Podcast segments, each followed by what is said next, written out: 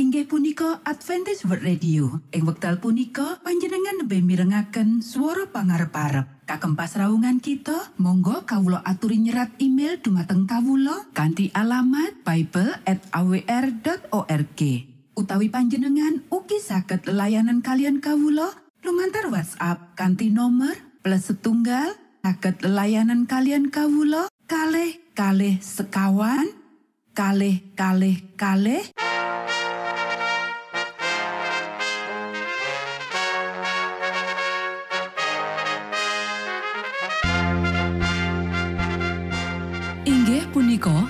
Adventist World Radio ingkang giaran kanti basa Jawi. Tentrem Rahayu kula aturaken kagem para mitra kinasih ing pundi papan lan panggonan. Sugeng pepanggian malih kalian Adventist World Radio. Kanti bingahing manah Kulo badi sesarengan kalian poro mitra kinasi. Lumantar saperangan adicara ingkang sampun rinonci. Mligi kagem panjenengan sami. Mugi giaran punika saged migunani tuen dados berkah kagem kita sedoyo. Sugeng midhangetaken Gusti amberkahi.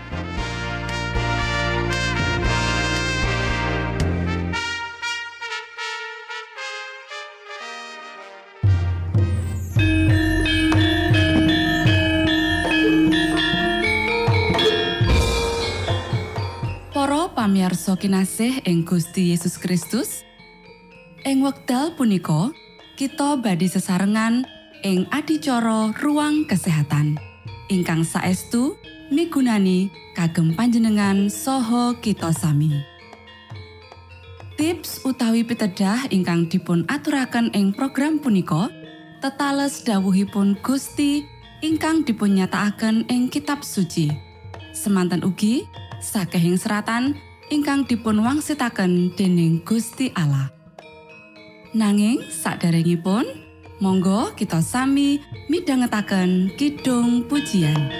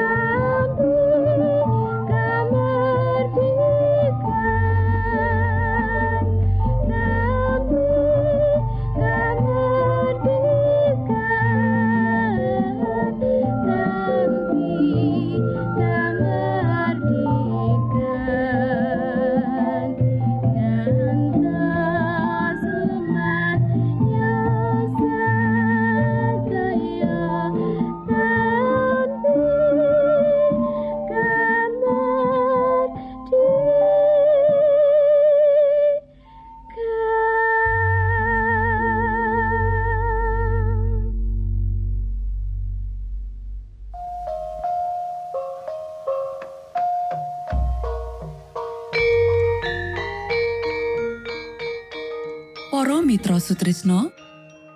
Puji syukur dumateng Gusti ingkang murbeng dumati ingkang sampun kepareng paring wewenngan kagem kita. Satemah saged nglajengaken ruang kesehatan. Pirembakan kita semangke kanthi irah-irahan. Kasangsaran sing diundang dewe perangan kapindo.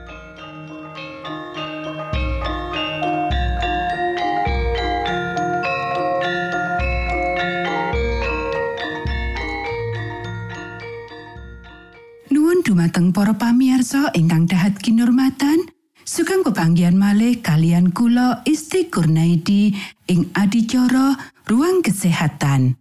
Ing dinten punika kanthi irah-irahan kasangsaran sing diundang dewe perangan kapindo.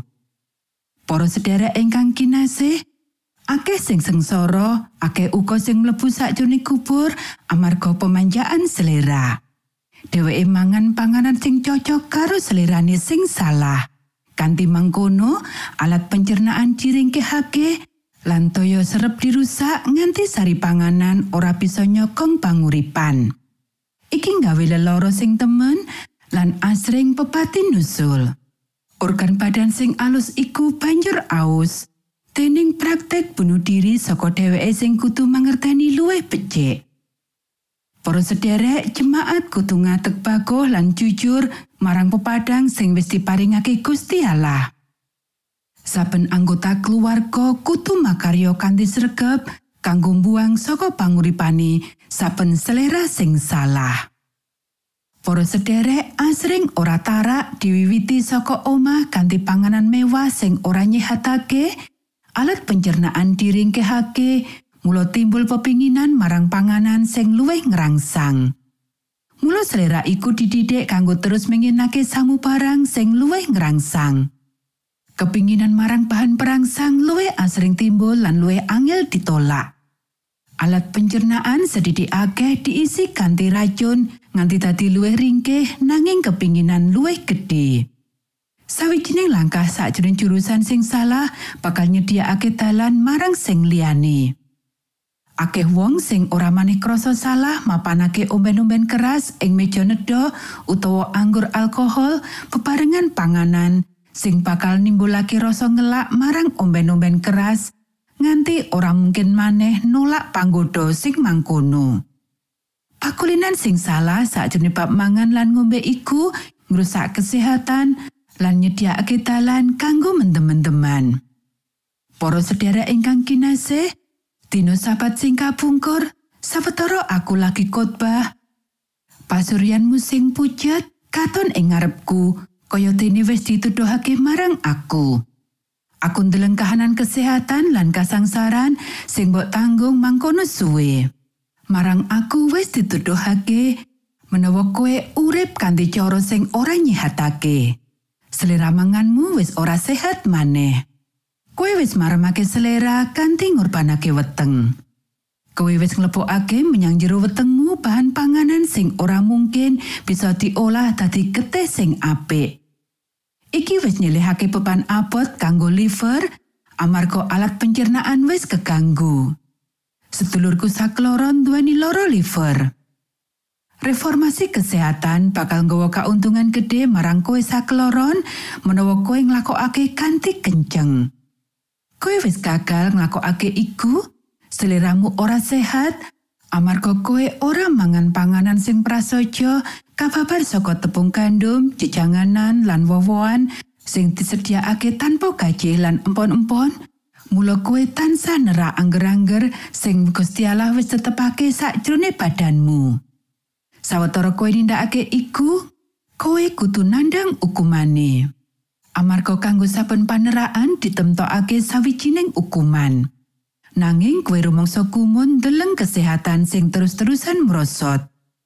Mugia kowe mangerteni menawa Gusti Allah ora bakal nindakake sawijining mujizat saka akibat tindakanmu. Matur nuwun, Gusti amberkahi.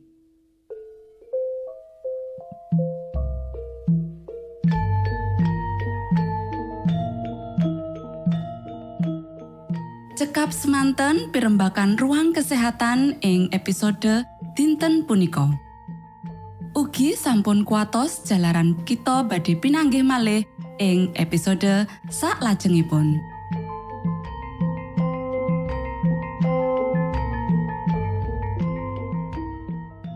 Inggih punika adicara ruang kesehatan.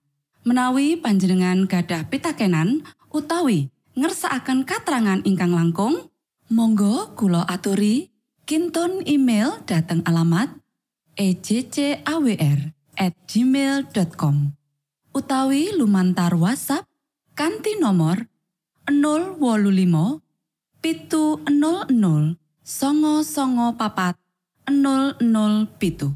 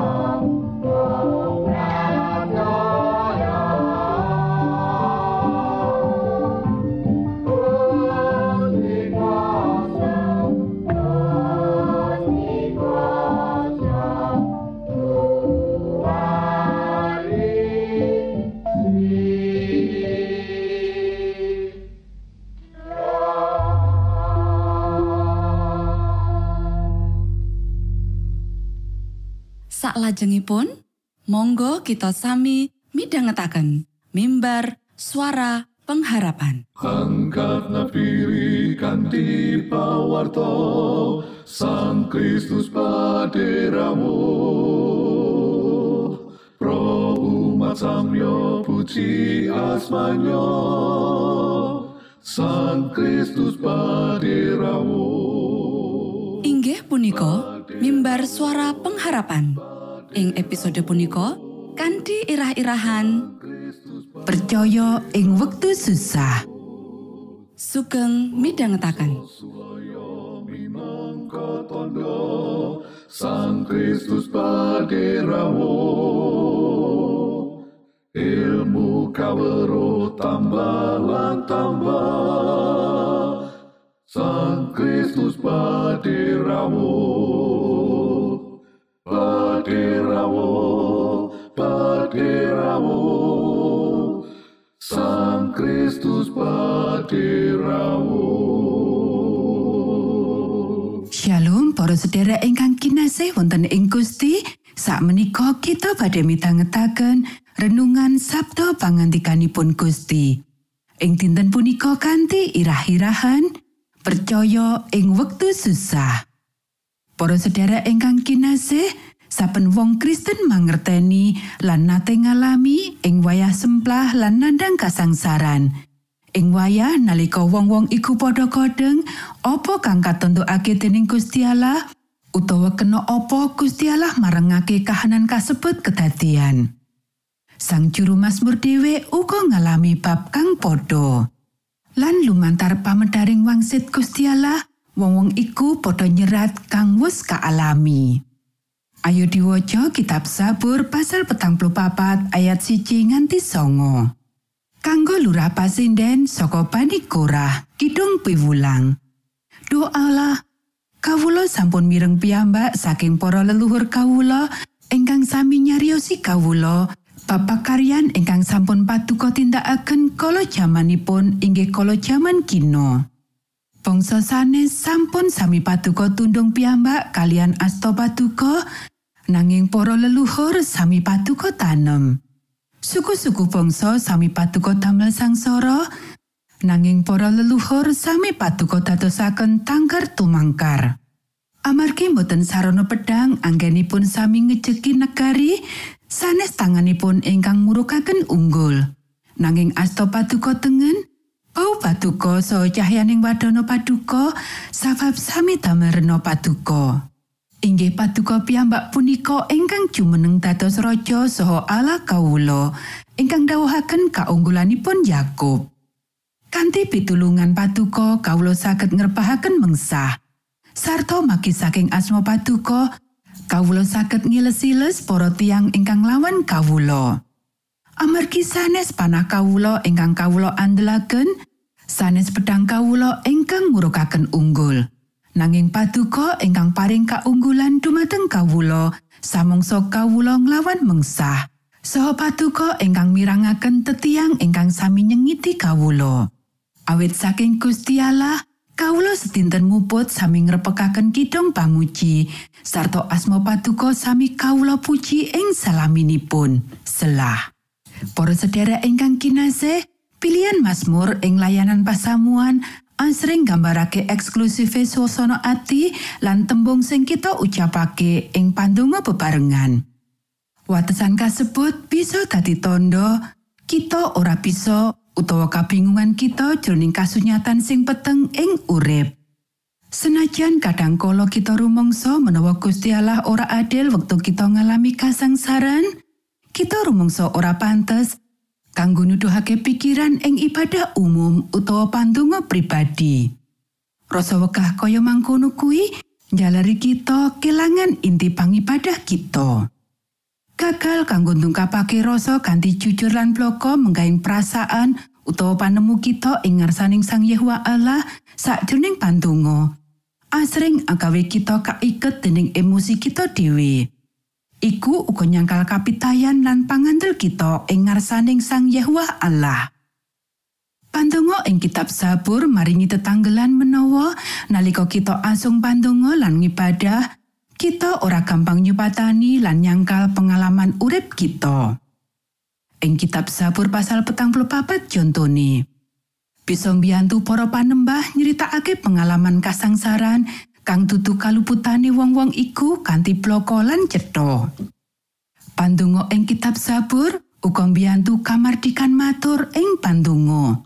Kitab Sabur paring tetembungan kang ora kita temoni lan wani ngucapake. Sabur pasal petang papat ayat 19 lan rong puluh.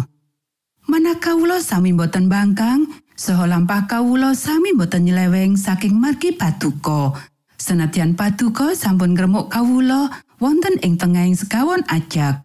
Saha patuko nglimputi kawula kalian pepeteng.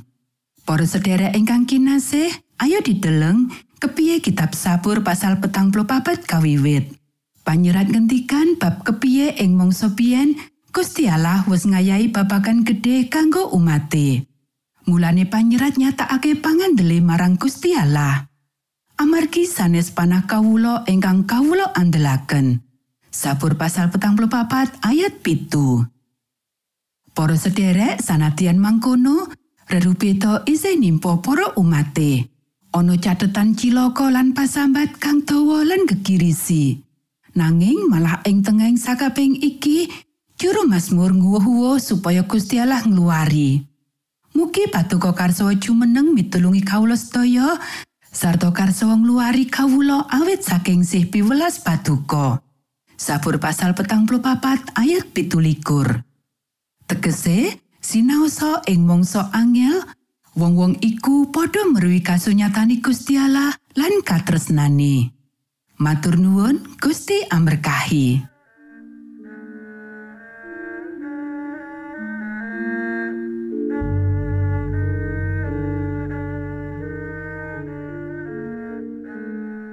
Mitra Sutrisno pamiarsa kinasih ing Gusti Yesus Kristus.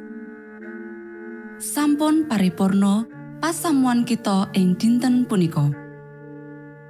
Menawi panjenengan gadah pitakenan utawi ngersaakan seri pelajaran Alkitab suara nubuatan Monggo Kulo aturi kintun email dateng alamat ejcawr gmail.com utawi lumantar WhatsApp kanti nomor 025 pitu 00 songo songo papat 00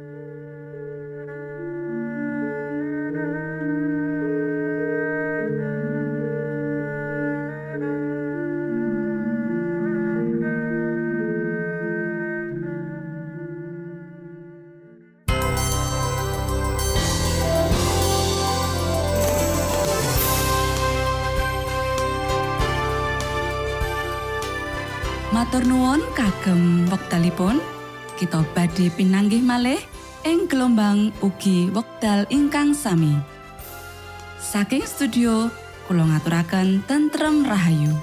Gusti amberkahi kita sedaya. Maranata.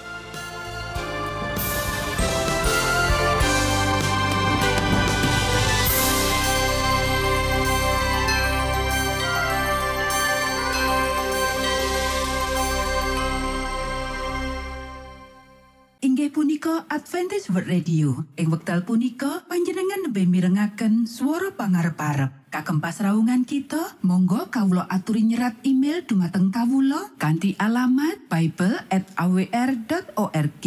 Utawi panjenengan ugi saged layanan kalian kawula lumantar WhatsApp kanthi nomor plus setunggal saged layanan kalian kawula kalih kalih sekawan kalih kalih kalih